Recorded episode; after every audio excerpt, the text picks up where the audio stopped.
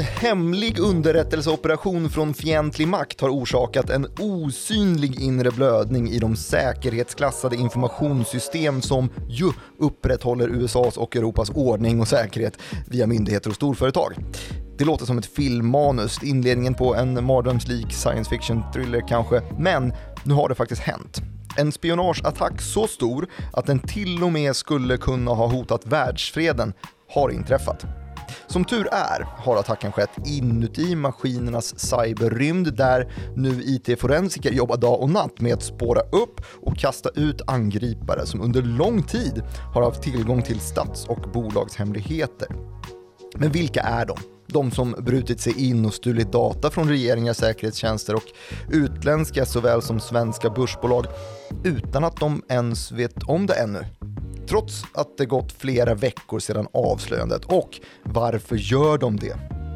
Det ställer vi oss frågan i podcasten som ju heter Follow the Money, en podcast om makt, storfinans och börsen som görs av mig, eh, Martin Nilsson och utrikesredaktör Joakim Rönning. Eh, idag ska vi prata om den eventuellt värsta hackningen i modern tid och här tänker jag släppa in dig i programmet. Hur mår du? Eh, bra, vad härligt det är när du går upp sådär. ja. eh, härligt också när jag tvekar på vem det är som ja. har gjort den. Av eh, mig, Martin Nilsson och utrikesredaktören. Jo men här sitter jag full av energi och eh, anledningen till att vi säger att det eventuellt är den största hackningsattacken någonsin är för att vi inte vi vet ju inte än. Om det stämmer eller inte? Nej, men vi vet, vi vet ju att det här är en väldigt stor attack, en, den största på flera år. Uh, och en väldigt allvarlig och bred sådan som har drabbat väldigt många, en, en, liksom en hel näringskedja av allt från lite mindre bolag till väldigt stora bolag och uh, på den privata sidan då och sen också då väldigt uh, många departement i mm. USAs regerings... Uh, ja. Så det du säger är att vi vet inte om det är den värsta i modern tid, men vi vet inte inte att det inte är det heller. Det, dubbelnegation, jag, jag tackar. Trippel ramlade in till och med. Mm. Uh, den, den är, men kan vi vara lite mer konkreta då? Vi kanske kan berätta vad det är som har hänt till att börja med. Smart. där, där börjar vi. Mm, det är ett bolag som heter SolarWinds, som en del av er kanske känner igen om ni jobbar med IT. Och om man är intresserad av börsen så finns de ju faktiskt där, fast ja. på den amerikanska sidan. Den aktien skulle man inte ha haft. När det här avslöjades. Nej, för det, det var ju blodigt. Uh, men nu har de faktiskt gått upp lite grann igen. För, ja, vi kan komma till det senare. Ja. Men det som har hänt då är att SolarWinds sitter på en, uh, vad ska man säga, en plattform uh, som heter Orion. Mm. Uh, och denna, denna plattform används då till att övervaka nätverk sånt som IT-support-människor ägnar sig åt. Vilka, vilka använder det här då? Alla. Då förstår typ. man ju att det är, det är en ruskig attack då, då. Ja, det är ett väldigt stort program som används av väldigt många bolag mm -hmm. eh, mhm. världen över. Och särskilt populärt bland stora organisationer. Som ju till exempel storbolag, eh, börsbolag och eh, myndigheter är. Mm. Särskilt i USA, där då vi har sett eh, som sagt både små och stora bolag och eh, ja, små och stora myndigheter. Alltså vi pratar myndigheter upp till liksom, eh, Finansdepartementet har blivit hackat liksom, via det här. Och det är ju oerhört smart intrång som eh, den här hackningsgruppen har gjort ju. Mm -hmm. um, för man har ju inte hackat då bolag för bolag eller entitet för entitet om man ska säga. Mm. Utan man har gått då via Orion. Precis. Man har gått rätt in i hönshuset och bara valt vilken höna man vill men du... titta närmare på. Och det här har ju varit en väldigt skalpell-lik eh, attack då, har många beskrivit det som, som nu sitter och just eh, ägnar sig åt IT-forensistik och försöker hitta spår då efter de här hackarna och, så att man kan utröna vad det är som har försvunnit, eller försvunnit behöver det inte ha gjort, men vad det är som har kopierats och vad det är som man har som inte längre är en bolagshemlighet. Skalpell-lik, då är det alltså att man, eh, precision i attacken? Precis, det har varit en väldigt precis attack då där man har gått på, um, man, man har liksom bestämt sig för vad är det för tillgång vi vill ha och så har man gått in och tagit den. Så det är mm. inte så att man liksom har uh, attackerat alla de bolag och myndigheter som man har haft möjlighet att attackera utan det har varit just skalpell-lika operationer om man så vill.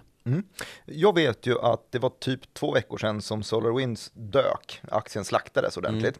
Eh, Men den, själva attacken, det var ju först då den avslöjades, den har pågått längre än så. Eh, Hur länge då?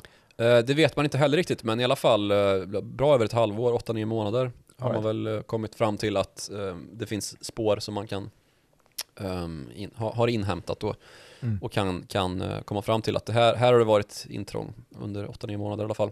Mm. Ehm, och det första bolaget som ehm, ehm, rev ner lite rubriker när man gick ut med att man var drabbad då Mm. var ehm, också lite dråpligt ett eh, cybersäkerhetsföretag. Ett av de många som vi ska komma in på här i detta avsnitt. Ja. Eh, det var ju då FireEye. Ja, jag vet, jag läste rubrikerna där också. Det, är ju, det blir ju kom, det finns något komiskt i det när ett cybersäkerhetsföretag blir hackat. Ja, Eh, Det tufft för den aktien också, ska väldigt man ju tufft. säga. Men den har hämtat sig ganska bra nu, för det har ju också då visat sig, eh, som sagt, ett rätt skriande behov efter IT-forensiker. Mm.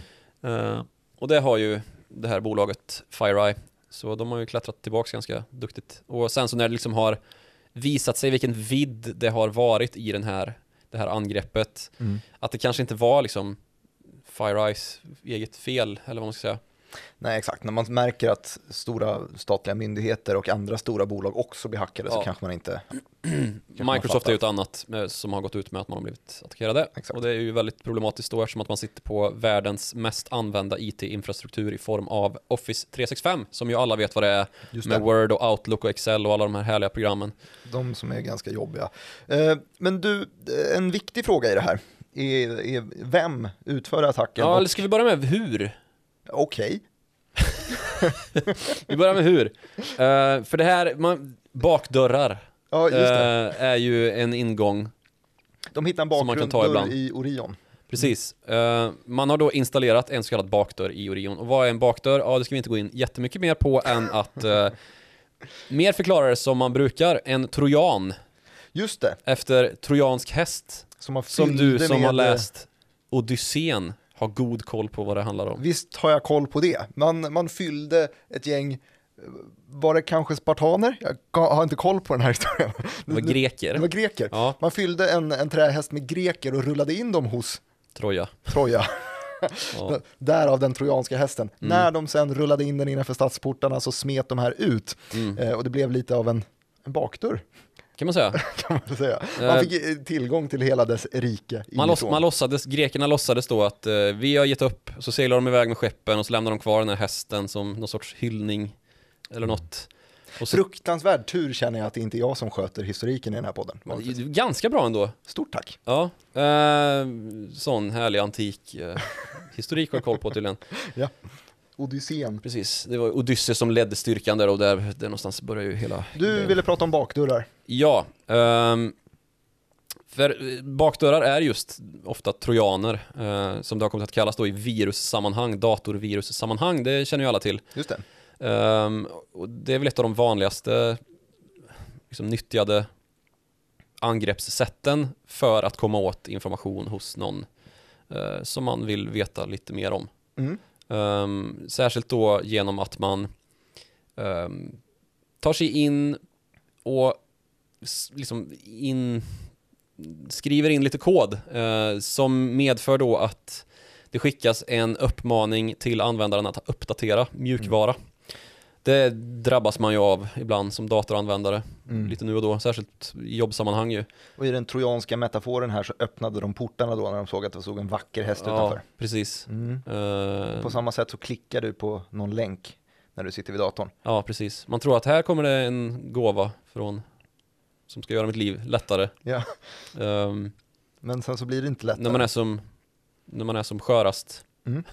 Jaså? Spartan, eller vad säger jag, spartanerna var ju Trojanerna var ju väldigt, eh, alltså Trojaborna var ju väldigt sköra då, eftersom att de firade så att de var ju bakis när de här Mm. trojanska hästen inte längre var en häst utan en massa soldater. Mm. Precis, och, så det är en väldigt bra metafor tycker jag. Men de här eh, trojanerna då eh, möjliggör ju för en angripare, alltså en hackare då, att nå åtkomst förbi en massa eh, säkerhetssteg som kräver att du auktoriserar dig. Mm. Eh, eller men via lösenords kopplingar då liksom att du gärna tvåfaktor-autentisering så att du Mm. liksom det är det jag tycker är så jobbigt med just Office. det är ju väldigt 365 jobbigt, grejer. men det är ju oerhört viktigt att man har det, särskilt då i jobbsammanhang eller bolagsmyndighetssammanhang, så att just ingen tar sig in på det här viset. ehm, På, eller på allra enklast vis då är ju de här enormt många systemen som har användarnamn, personal och lösenord personal och som kanske sitter på som information har- som, Lösenordet Martin123. ja, Ja. mycket vanligt. byta det till Martin321 istället för att förvirra folk. Mm. kan man. Ehm, så denna trojan då som man har fört in i Orion har ju som sagt verkligen uh, lett uh, hackargruppen då in i en guldgruva av eh, möjligheter. Mm, men det förstår jag. Sm- Smart att angripa den liksom infrastrukturen snarare Mm. än de eh, själva bolagen man vill åt. Verkligen. Lite som att plantera en, en liksom rökbomb i ett eh, ventilationssystem eller något. Mycket metaforer idag också. Kul. Mm, mm, vi jobbar på. Du, eh, jag, jag skulle vilja dels komma tillbaka till vem, vem det var som gjorde det, men det kanske är rimligare att gå vägen via eh, skillnaden på hur hackerattacker har sett ut. Jag tänker att det här är ju en väldigt tydlig mjukvaruattack Ja. som man har gjort. Väldigt sofistikerat eh, ju. Jag eh, minns nämligen tillbaks, och inte för att gå eh, för långt bak i historien, så minns jag i alla fall tillbaks till avsnitt kanske nio som vi gjorde. Kryptoterroristerna, just Exakt. det. Om man vill ha lite bakgrund så kan man ju börja med det nästan. Mm, Jag Eller kan så- ge lite bakgrund precis här och nu, för att den bästa historien från det avsnittet, eller i alla fall en historia från det avsnittet, är när du berättar om hur det kom sig att Kina fick tag på planerna för en F-35, jaktattack, eh, spaningsplan. Planerna på ett plan, ja. ja. Fast inte just ett JAS, utan ett Lockheed Martin då. Just det, men i alla fall en konkurrent till JAS 39 Gripen. Exakt. Eh, Och då var det så pass att den metaforiska trojanska hästen var USB-minnen som man placerade ut på Lockheed Martin-anställdas bilars vindrutor. På personalparkeringen ja. Och sen så visade det sig att eh, titta, USB-minnen är inte så dumt. Varför står den här på min vindruta? Det var schysst, det är säkert någon reklamgrej. Jag tar den eh, och stoppar in i min dator och vips så är man innanför murarna på Lockheed Precis. Martin. Det här är ju då, man behöver komma in i, alltså alla datorer och nätverk är ju inte öppna datorer och nätverk genom internet då, där ju man kan nå eh, ja, andra Mm. datorer, Mm. kort och gott. Det finns slutna nätverk också. Precis, intranät till exempel. Ehm, och att man inte alltid är just uppkopplad utan ehm, bakom en brandvägg liksom, där man inte har någon alltså, direktanslutning till internet. Då. Och sån här säkerhetsklassad verksamhet är ju naturligtvis inte uppkopplad direkt på internet Mm. hur som helst. Och då blir det väldigt svårt att nå dem. Eh, tänk murliknelse, liksom. brandvägg brukar man ju kalla det. Mm.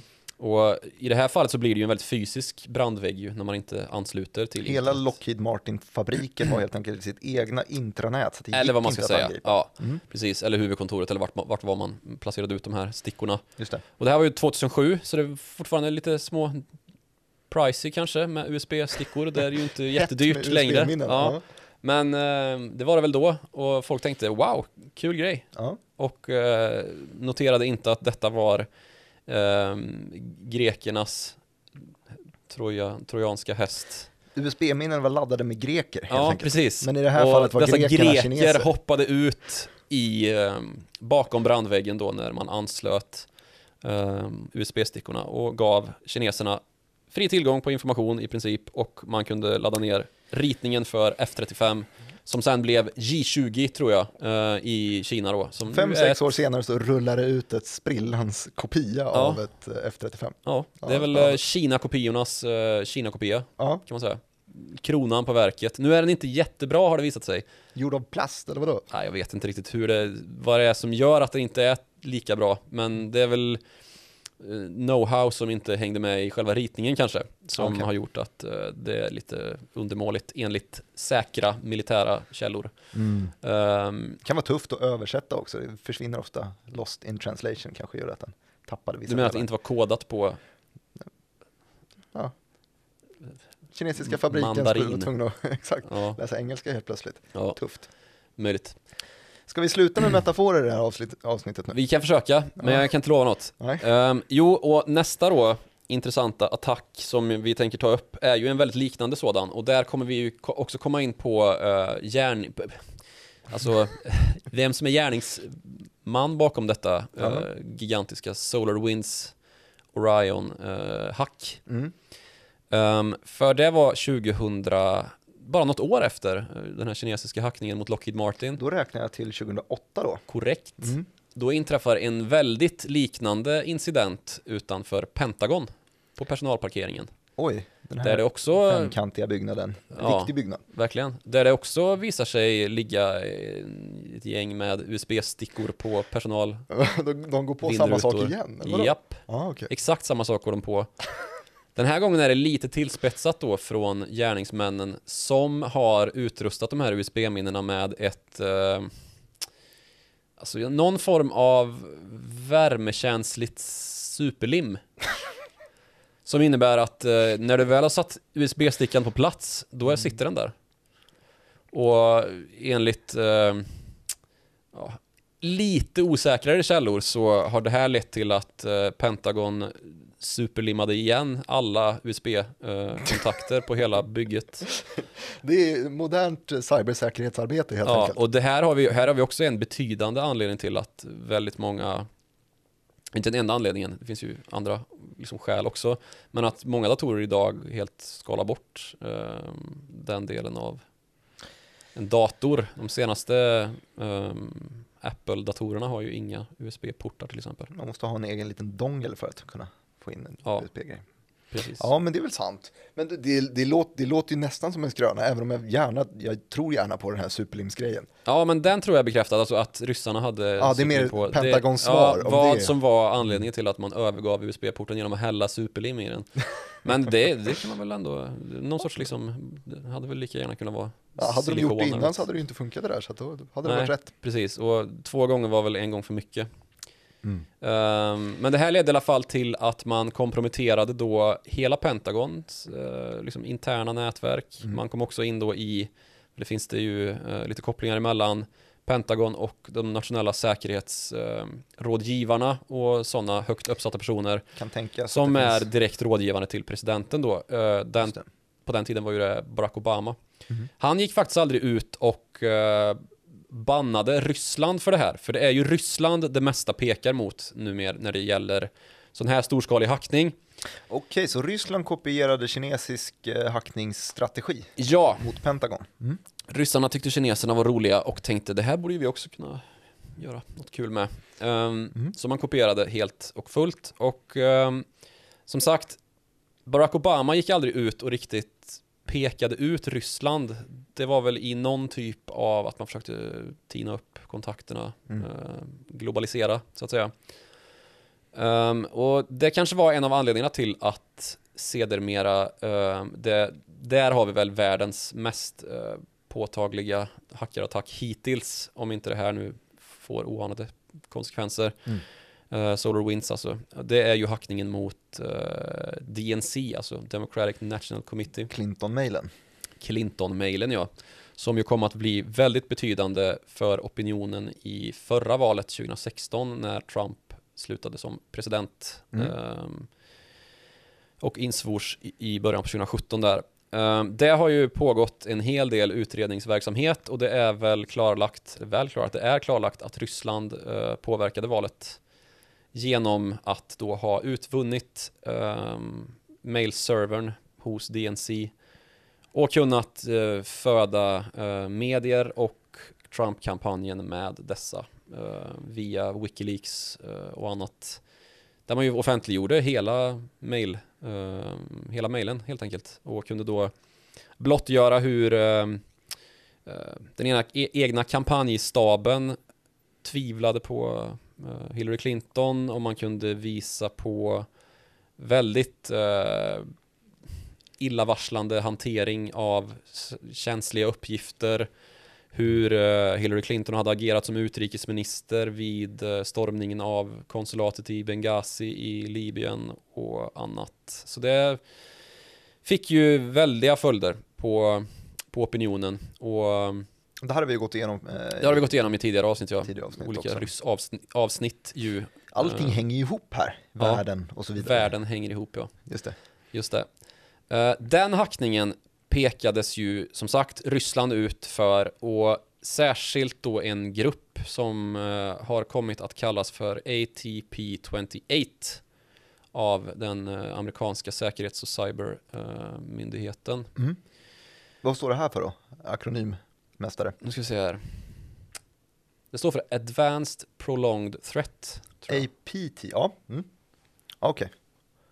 Ja, det Ja, låter, någon- ju, låter ju läskigt. Mm, mm. ATP. A- APT, Ja, jag tror APT är det nog. Ja, allmänna pension. ja Allmänna pensionsfonden. Ja. Ehm, och i folkmun, inte folkmun, men i, i cyberfolkmun ja, den munnen. så har det här eh, gänget APT28 kommit att kallas för Fancy Bear. Okej. Alltså den uh, Ja, hur översätter man fancy? Men en, en, en um, spexiga björnen. spexig björn, ja vad bra. Kanske. Ja. Ehm, och björnar finns det ju i Ryssland som ju är Rysslands eh, lite De cyklar runt på enhjulingar och så vidare. i Ryssland. Ja. Ja. Nej, men den ryska björnen känner vi ju till. Så därav ehm, har det kommit att kallas då The Fancy Bear. Mm. Och de har ju stått för en mängd massa olika roliga och mindre roliga attacker. Men har kommit att liksom kategoriseras in under eh, det ryska, den, ja men under Kreml, under eh, den ryska liksom CIA-motsvarigheten GRU. Mm. Eh, alltså den militära underrättelsetjänsten. All right. Och där blivit en, ett väldigt aber för eh, amerikaner, ukrainare, EU, you name it, eh, vad man nu anser vara fientligt i Ryssland. Och det är ju inte bara liksom pojkstreck längre, som sagt, det, det här är ju liksom eh, på en väldigt hög nivå nu, det är inte liksom 16-åriga finniga. Nej, den där stereotypbilden har ju förändrats lite. de, har- de har blivit med- 20 år äldre helt enkelt.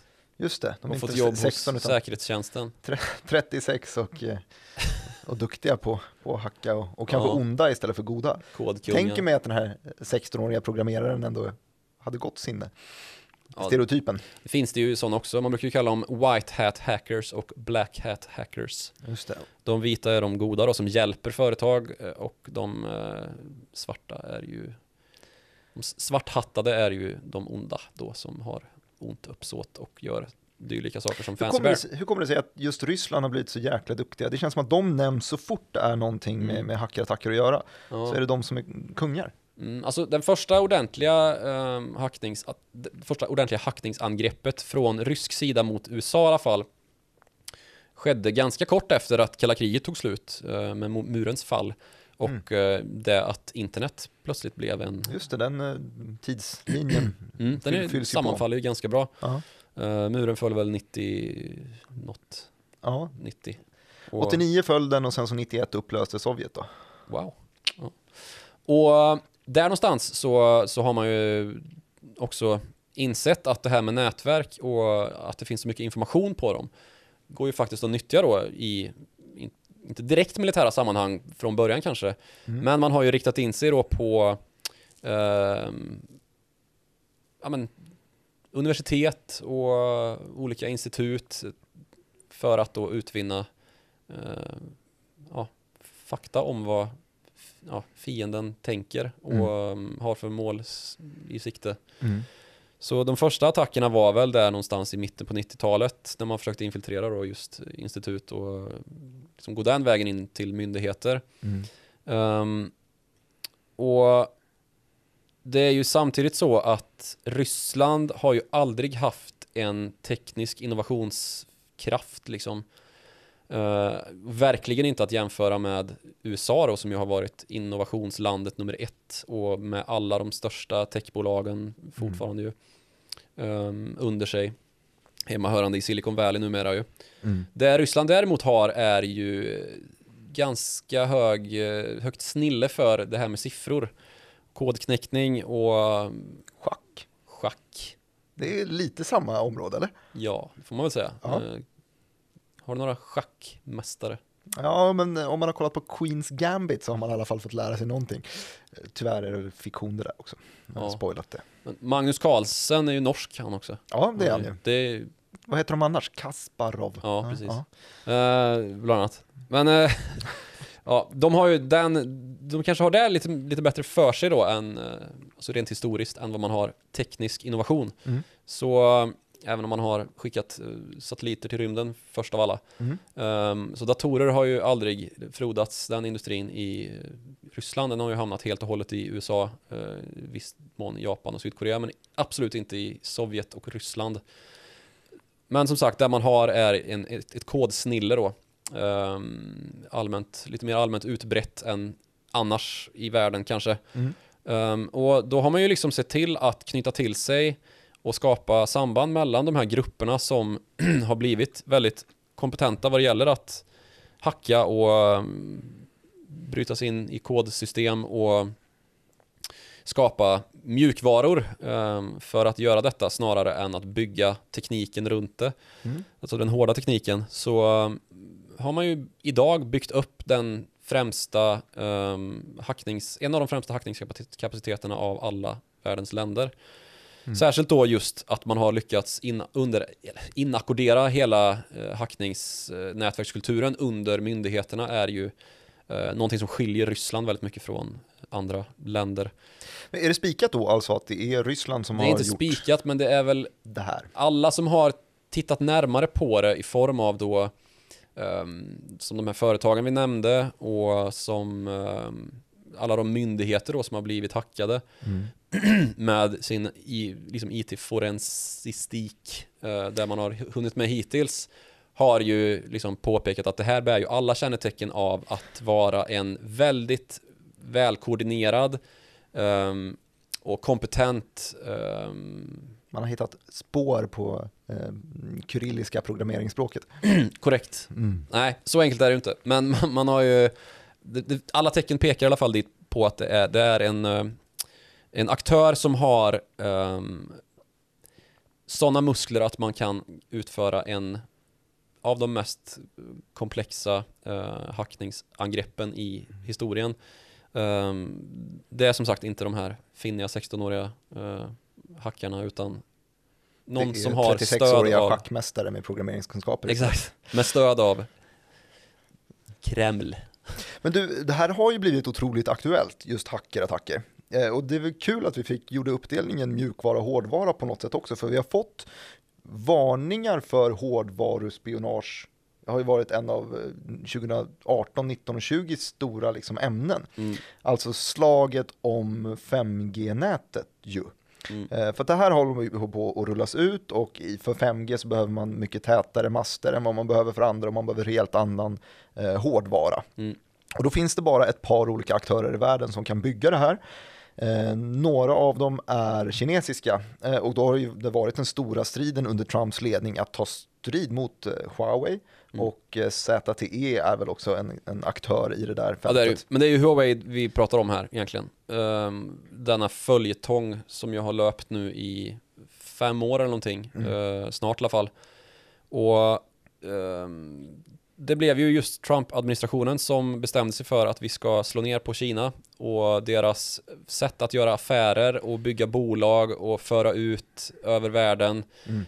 Med hjälp av statsstöd då som man anklagar Huawei för att man inte konkurrerar på jämlika villkor med ja, de enda två konkurrenterna är ju nordiska mm. i liksom de facto konkurrenter i Nokia Ericsson. Ja, precis. I samma storlek då så är det ju Uh, Huawei störst innan de här sanktionerna riktigt bet. Nu får man ju inte ens uh, inkorporera amerikansk patenterad teknik, vilket ju är ett liksom, döds, det är, det är en dödsdom i De var tvungna att på, på bara en femöring vända och bygga sitt eget operativsystem istället. Ja, precis, till mm. exempel då. Och, uh, sen så har man ju ett enormt behov av chipteknik som ju är Qualcomm, eller hur? Nej? Ja, precis. Qualcomm sitter ju på så säger man.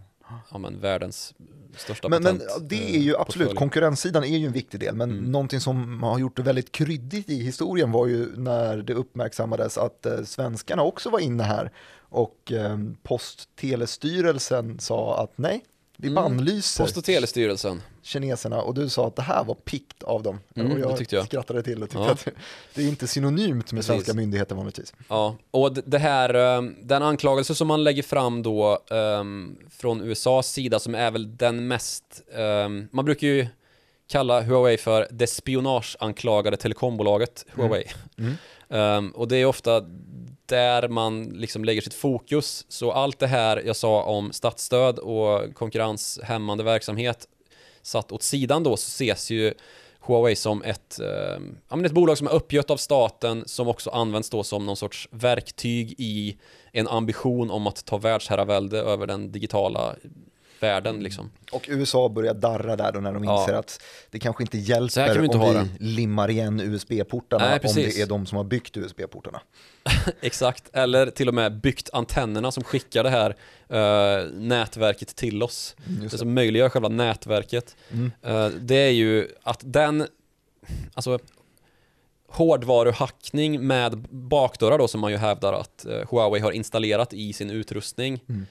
eh, I så stor skala vore ju ett, på tal om eh, liksom döds, eh, Stötar. dödsstötar mot den fria världen kan man ju prata om då.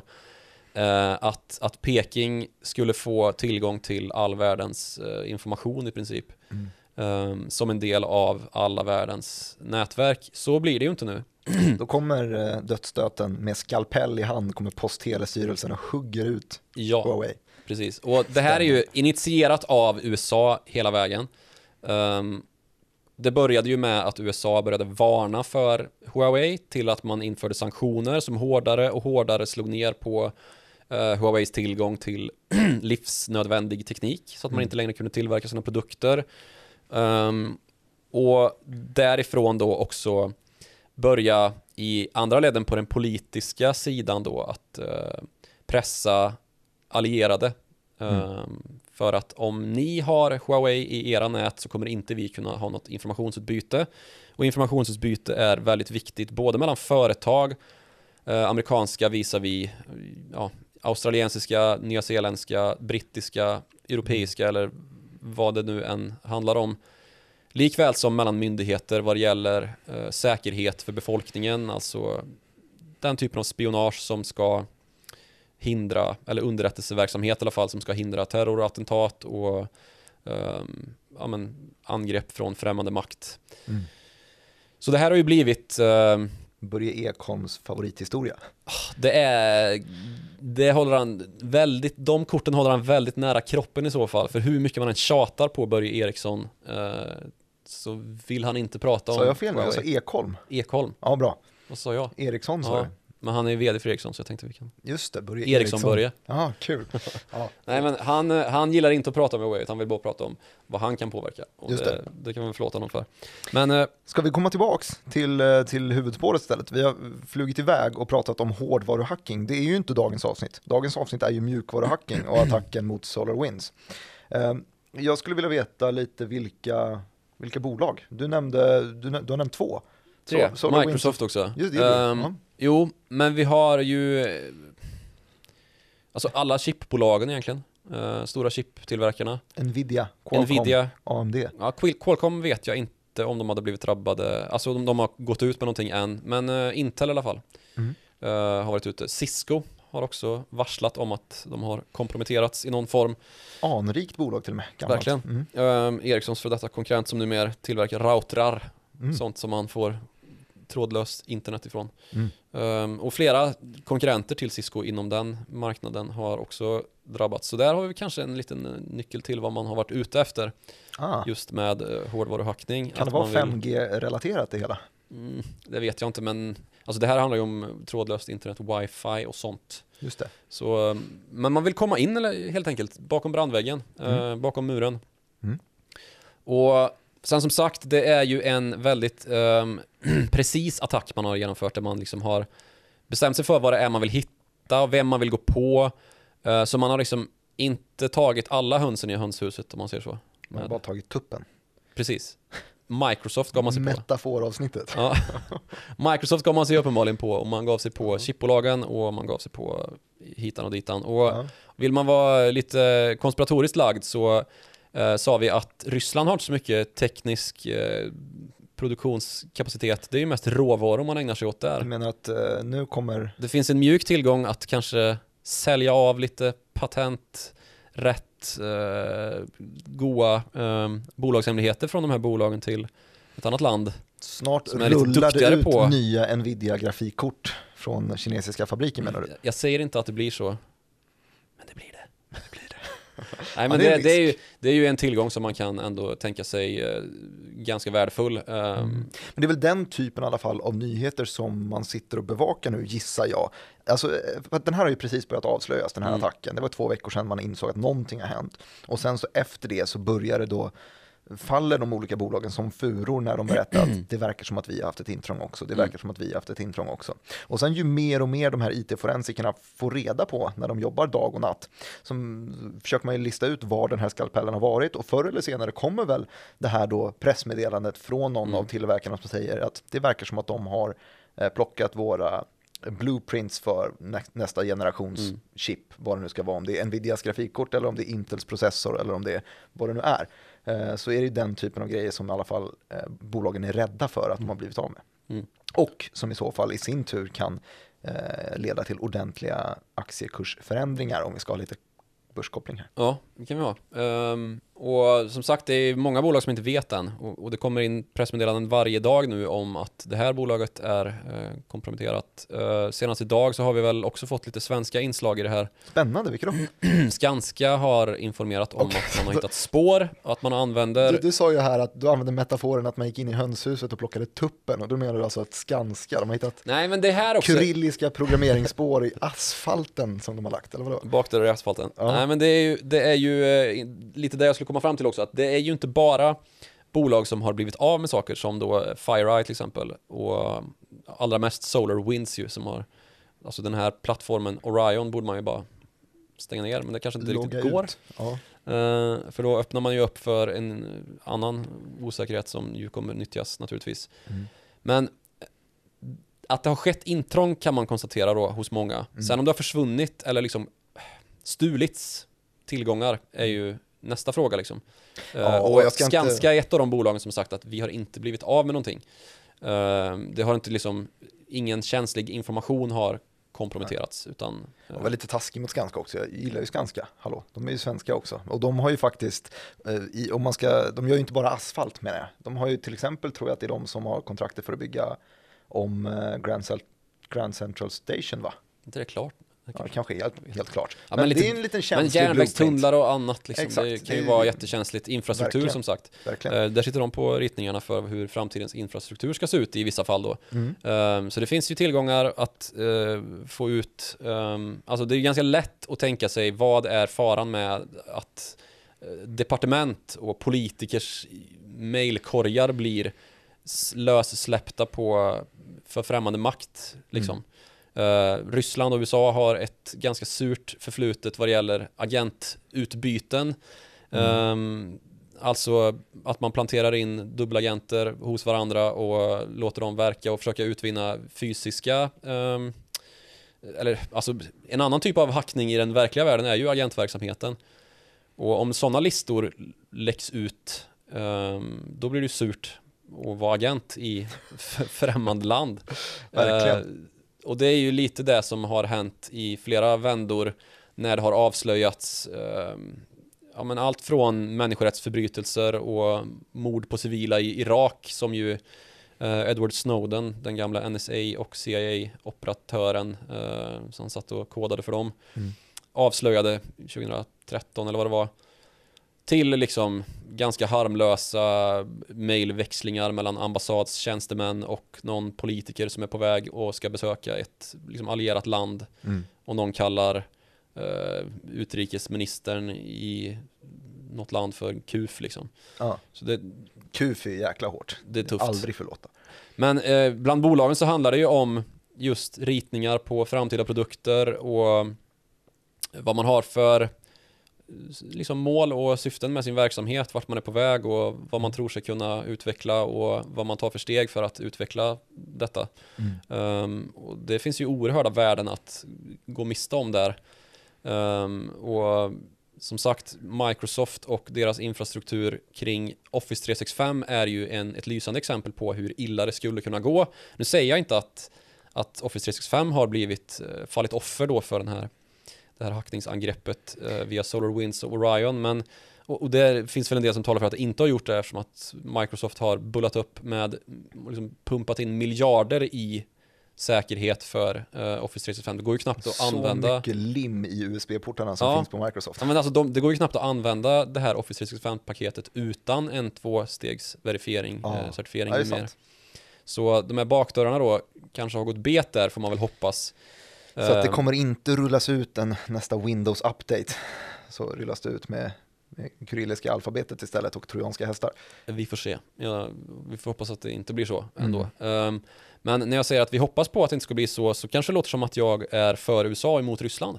Ja, det, det låter det som. Ja, men eh, det kanske man är. Men man ska ju vara noga med att säga då att det är ju inte bara ryssar och kineser och nordkoreaner och iranier, alltså deras eh, statsmakter som ägnar sig åt hackning och eh, denna typ av verksamhet. På tronen sitter ju fortfarande USA liksom. Mm. Och den allra mest farliga hackningsattacken som har gjorts i, hittills är ju eh, amerikansk och Israel initierad. Vad tänker du på då? När man hackade kärnkraftverk, ett kärnkraftverk i Iran. Men det har vi också haft med Det någon har vi- gång. precis, Kan, det kan inte du i den hisspitcha den historien? Den är så kryddig. Ja. Jag gillar den. Jag ska bara flytta mikrofonen lite här. Det är ju då när ehm, USA och Iran gick i, eh, USA och ehm, Israel gick ihop eh, och bestämde sig för att via ehm, alltså en spion då som hade fått tillgång till hela det här kopplingsschemat i eh, det här iranska kärnkraftsverket Mhm. eh, kunde skicka densamma till eh, NSA som då alltså skapade ett virus ämnat att slå ut just det kopplingsschemat. Så man kunde sluta sig till att det finns bara i en enda eh, form eller i en enda upplaga. Mm. Eh, för att det var ett komplext kopplingsschema liksom. Som det blir på i, kärnkraftverk. Ja, och då visste man ju att så fort det här viruset träffar rätt eh, så kommer det slå ut det här kärnkraftverket när det väl har kommit in i kärnkraftverket. Alltså. Och där man, hur man gick tillväga var att man skickade ut det här viruset på internet och lät det spridas viralt. Då. Mm. Ehm, och Och för alla andra som inte var ett kärnkraftverk så märkte man inte av att man bar nej, runt på precis. viruset. Det var ett ofarligt virus, ett så kallat zero days virus. Mm. eh, som det kommer att kallas för. Och till slut så hittade det sin väg in i det här kärnkraftverket och stängde ner det. Men än idag då, om man kollar på spår så kan man, kan man se att, att eh, datorer sitter på precis samma virus, Ja. bara att det är helt inaktivt. Det är överallt inte- nu, kan man säga. Det är spännande. Ja, det är spännande. Men det farliga med det är ju att man har då läckt ut den här, eh, alltså det var ju aldrig meningen att det här viruset skulle hittas liksom. Eh, Men tekniken gör ju landvinningar och även i hackersammanhang. Så någon hittade ju den här koden efter digert arbete Ehm, och kunde då publicera eh, ganska så smaskiga rapporter om vad det var som hade hänt egentligen Mm. med det här iranska kärnkraftverket och dra slutsatsen då att det här är ju en eh, Iranfientlig aktör, alltså um, kunde man leda tillbaka hela historien då till att det var Israel och USA som samverkade och ritade upp det här viruset som skickades då eh, ut över hela världen, världens datorlandskap och sen till slut nådde in i Irans kärnanläggning och eh, stängde ner den. Men det är ju inte, det är inte ovanligt med hackerattacker, alltså det sker ju hela tiden. Ja. Eh, Du skriver ju lite då och då och jag har skrivit på, på börstexter också bland svenska bolag så har vi Adtech som blev attackerat eh, ganska nyligen. Vi har, jag vet inte, Gränges tror jag, Norsk Hydro har Ja, figurerat Hydro. och det är lite olika typ, det är inte liksom kärnkraftsverksnivå eh, på attackerna. Nej, men, eh, Och det är inte de här statsfinansierade attackerna, eh, utan det är just maligna aktörer som vill hitta spännande grejer. mm. L- det är ju kanske inte liksom ehm, det är ju illa nog liksom och det, det är ju väldigt ofta det är statliga aktörer som, som tar sig in på det här viset. Mm. Ehm, men sen kan det ju vara, det finns ju problematik då också kring ehm, privata aktörer som utformar program och har som syfte att saluföra hackningsutrustning egentligen. Mm. Ehm, Allt man kan tjäna pengar på görs ju. Ja, och vi har pratat då om eh, Fancy Bear, det så kallade APT 28. Spexiga björnen.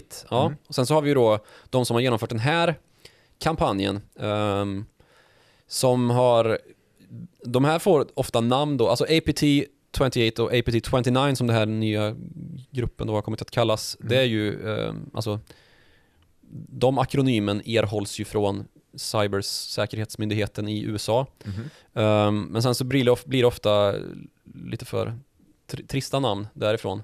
Ja. Så de här cybersäkerhetsföretagen döper de här um, aktörerna till annat, som till exempel Fancy Bear, eller Mm. den här gången då i eh, den här senaste attacken um, Cozy Bear. Cozy Bear, precis. Ehm, och det finns väl, om man ska vara, man ska inte dra en, en rät linje mellan de aktörerna och eh, börsnoterade aktörer som har dragit ganska mycket uppmärksamhet till sig Mhm. det senaste halvåret här, särskilt då i form av Palantir i USA. Ehm, Just det, den här succébörsnoteringen som har blivit Ja. eh, succé på så sätt att börskursen har gått väldigt bra. väldigt hyllat av eh, börs, börsinvesterare men inte så hyllat av opinionen kan man konstatera. Ja. Eh, människorättsorganisationer och annat. Den opinionen. Eh, för det här bolaget ägnar sig ju åt att bygga eh, modeller som kan användas för spionage. Alltså deras främsta kunder är CIA och Pentagon, Mm. försvarsmakten i USA. Och allierade länder då naturligtvis. Sen så har man också använt deras eh, ja, men kunskaper för att eh, liksom få lite mer rena ändamål kanske i eh, fråga om nu med vaccinleveranskedjor och med smittspårning och såna här grejer. Mm. Men det är ju oerhört känsliga data man får tillgång till då genom kontrakt med. Så eh, länge hatten är vit så är det Ja, inga precis. problem. Då är det toppen. Men om man slår ihop den affärsmodellen med ett betydligt mycket mer, trots att Palantir verkligen inte är eh, icke omtvistat, Mm. så finns då det israeliska bolaget NSO Group ehm, som ligger bakom en hel del väldigt tveksamma eh, programvaror som bland annat har använts till att spåra upp eh, och jaga och faktiskt ha ihjäl journalister och oliktänkande och ehm, dissidenter som är en nagel i ögat på ja, men, tyranniska regimer så som Saudiarabien som har kunnat Är konstateras. inte argumentet ändå att det är inte pistolen som dödar någon utan det är personen som trycker av den? Så att eh, man kanske inte ska attackera företaget som bara byggde programvaran. Det har i alla fall ehm, flera av de stora techjättarna gjort nu. Okej, Man har gått ihop och ehm, sagt att det här bolaget eh, borde typ inte få finnas. Nej. Just för att man använder sig av skörheter då i eh, system som Big Tech hävdar är schysst utformade för användarens bästa. Vilket ju verkligen är en sanning med modifikation.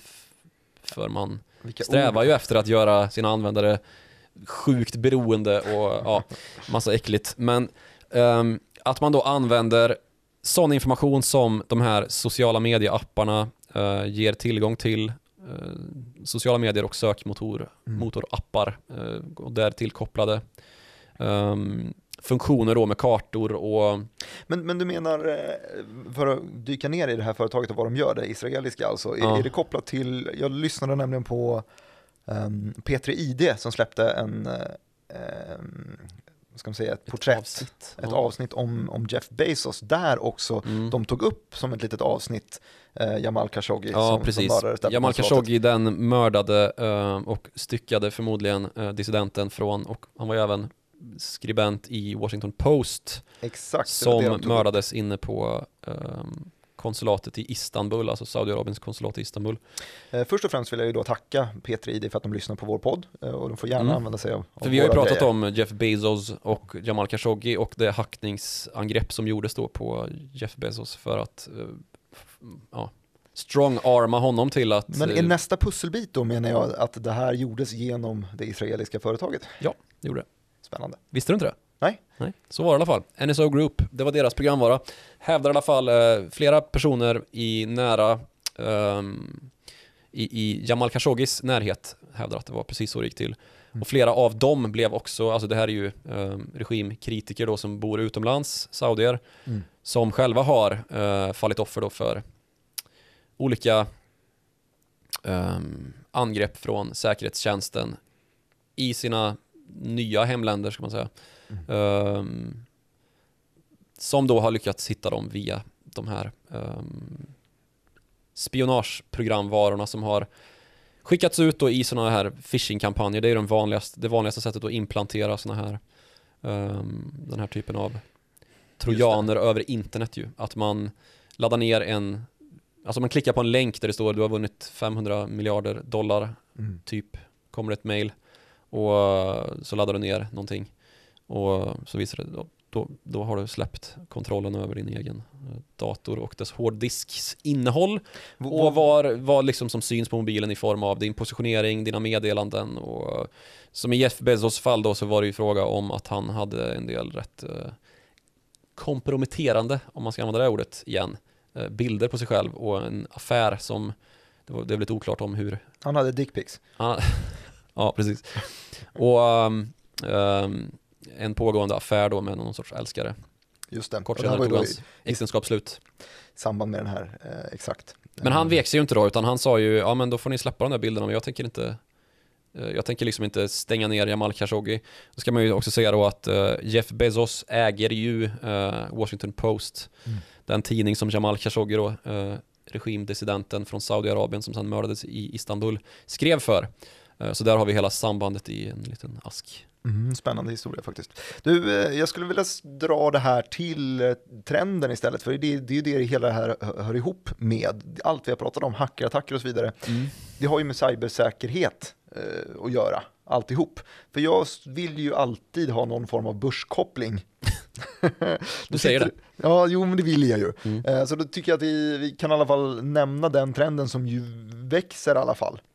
Vi har ju sett, eh, vi har ju ett par olika svenska till exempel, Clavister på svenska börsen, vi har Sectra, Mm. eh, visst kan man klassa in det här. eh, Medicinteknik och IT-säkerhet. Mm. Ja, absolut. Vi har både Crowdstrike vet jag är en av Mm. eh, favoriterna bland svenska Det var de som eh, uppkallade Fancy Bear. Jag vet inte hur det var med Fancy eh, Cozy Bear. Cozy Bear, men de, de är ju ett av de här bolagen som är liksom, rycker ut och hjälper företag när de sitter i skiten och behöver liksom hela, hela, hela liksom bolagets alla datorer är, krävs på 400 bitcoins för Mm. att låsas upp. Vad gör vi? Ja, Vi ringer Crowdstrike Mm. så får vi se om de kan hjälpa oss. Låsa kallade. upp de här. Ja, Eh, vad heter det? Liksom man kidnappar hela systemet. just det.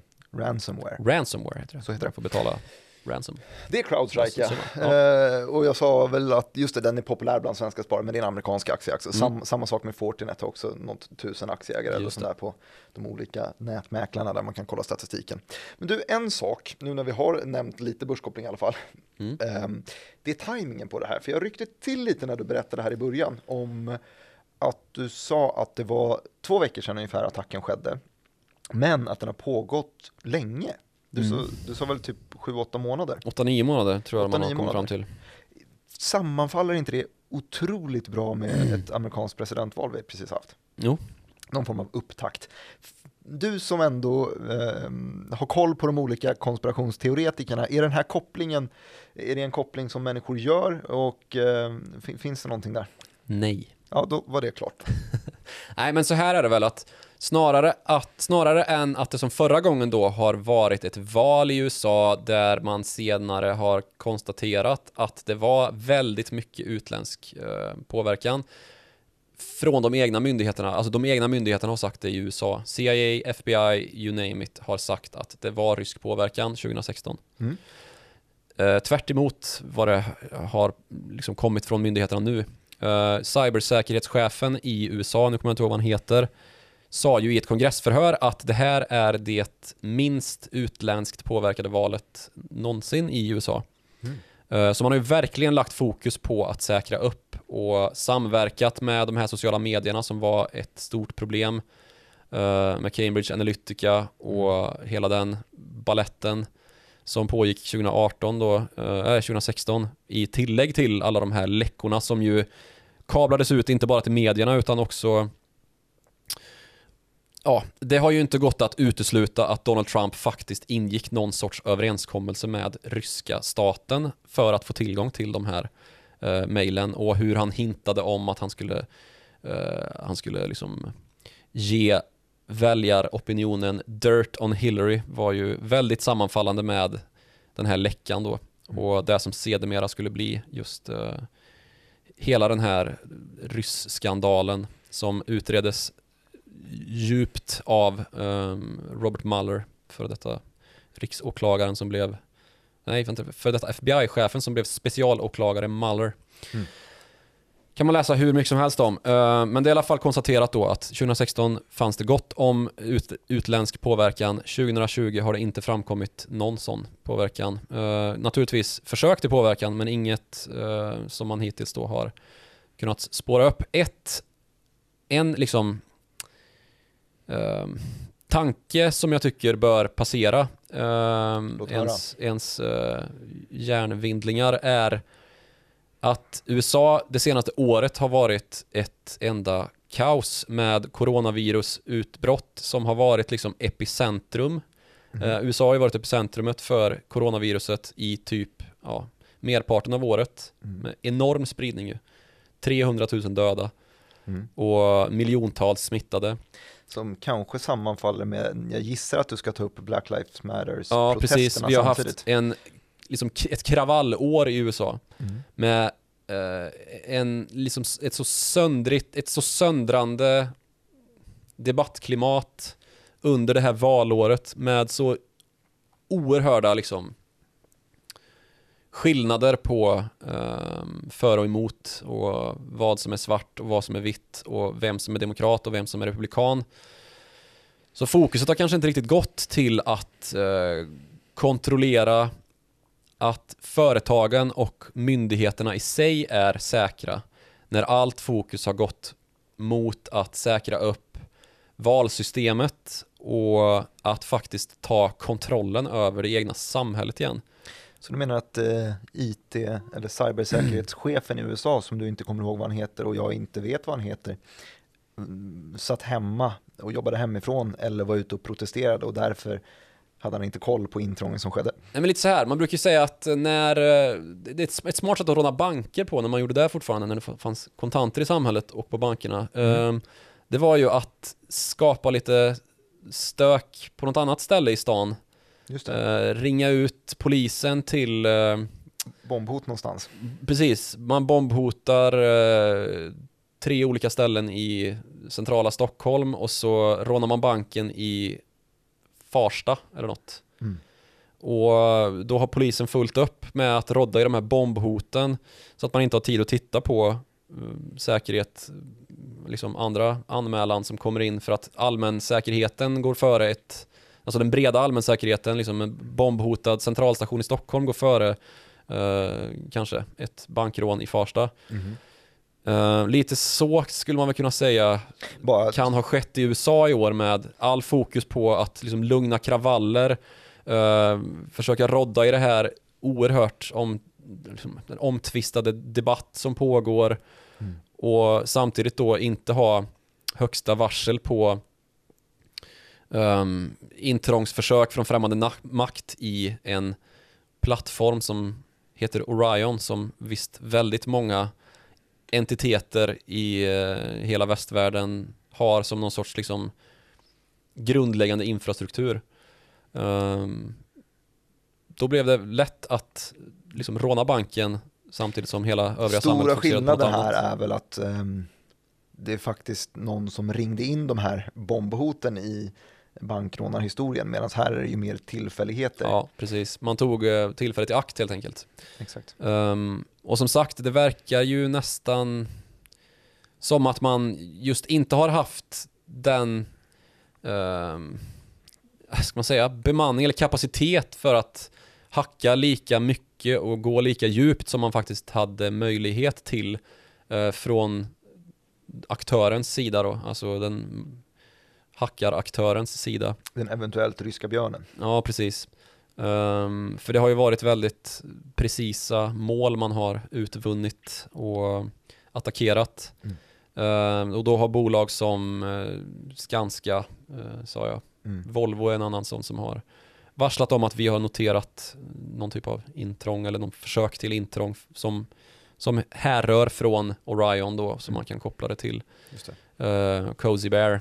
Men eh, in, utan att vi har Men eh, några... fortsättning får väl följa helt enkelt om det dyker upp några fler nyheter. Men nu har vi i alla fall grunden i vad, eh, vad, vad det är som har hänt de senaste nio månaderna och Mm. framförallt de närmsta två veckorna där vi har sett stora kursrörelser i allting som har med cybersäkerhet att göra, men framförallt SolarWinds och framförallt FireEye som var bland de första. Och Crowdstrike ganska mycket också ju. Det har, varit, det har kommit upp väldigt högt på tapeten och vi har till och med rubriksatt någon börstext med IT-säkerheten i fokus. Det har man ju kanske aldrig gjort förut. Nej, det har det kanske inte varit. Eh, Men jag tänker att vi sammanfattar det här hela, för vi började just i attacken mot SolarWinds och vi började just med när den skedde, två veckor sedan och du Eh, nämnde att den avslöjades för två veckor sedan och sen så kan den ha hållit på eh, sådär, så länge som nio månader. Eh, Vi sammanställde att det kanske sannolikt, mest sannolikt att det är Ryssland och gick in lite historia kring varför det är mest sannolikt. Eh, Vi gick igenom också en liten lärdom, mjukvaruhacking versus hårdvaruhacking och berättade där i om eh, igenlimmade USB-portar och stulna F35-plan. Vi mindes tillbaks på gamla attacker, eh, Adtech Norsk Hydro nämndes bland annat. Eh, och där finns det ju en uppsjö av hur många som helst. Eh, och sen så gick vi in på den här cybersäkerhetstrenden, nämnde Clavister, Fortinet, Crowdstrike, Snowflake, Sectra. Nämnde vi Snowflake? Tror inte det. Men hela den här moln, det är ju ett molnbolag. Det är inte IT-moln. cybersäkerhets... Nej men det är ju väldigt är- integrerat där liksom att bolag med moln, alltså allt blir ju digitalt nu så därför kommer ju den här frågan ut på scenen i och med detta kanske Mm. eh, ordentligt och Snowflake har ju blivit en mycket eh, framgångsrik notering när Warren Buffett, den gamle investeringsmogulen som inte har investerat i en eh, börsnotering sedan Ford kom ut på Dow ja, New York-börsen 1957 Ja. det blir ju hett. Ehm, Men ja, som sagt, där är det ju väldigt integrerat med säkerheten och så det, det är väl ett bett på, på IT-säkerhet och Verkligen. Vi har också nämnt, kom när jag nämnde de här bolagen, så var vi också på 5G-snurran ett tag i samband med hårdvaruhackingen. Ericsson nämndes bland Ja, annat. det är lätt att hamna där. Så är det. Eh, Jag får tacka så mycket för att ni har hängt med och lyssnat. Eh, Och så får jag, får jag tacka dig för att det var kul att sitta här. Eh, Vi kommer ju sitta här även nästa vecka. Mm. Vi släpper ju då en gång i veckan. Man kan höra av oss. Mellandagar eller ej? Mellandagar eller ej. Eh, Mm. Vi, så det här är vår första fokus, eh, prioriteten. Eh, Man kan höra av sig eh, och man kan mejla framförallt. Och då gör man det via followthemoney@direkt.se. Men man kan också skriva till oss personligen Ja, via Twitter. Då når man dig på snabel Joakim Ronning. och dig på snabel direkt Martin. Så är det.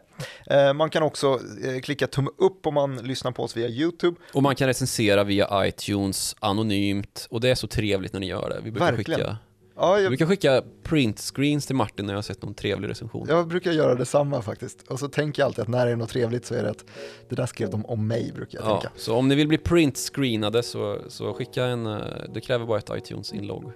Mm -mm. Så är det. Tack så mycket för att ni har hängt med och så hörs vi igen om en vecka.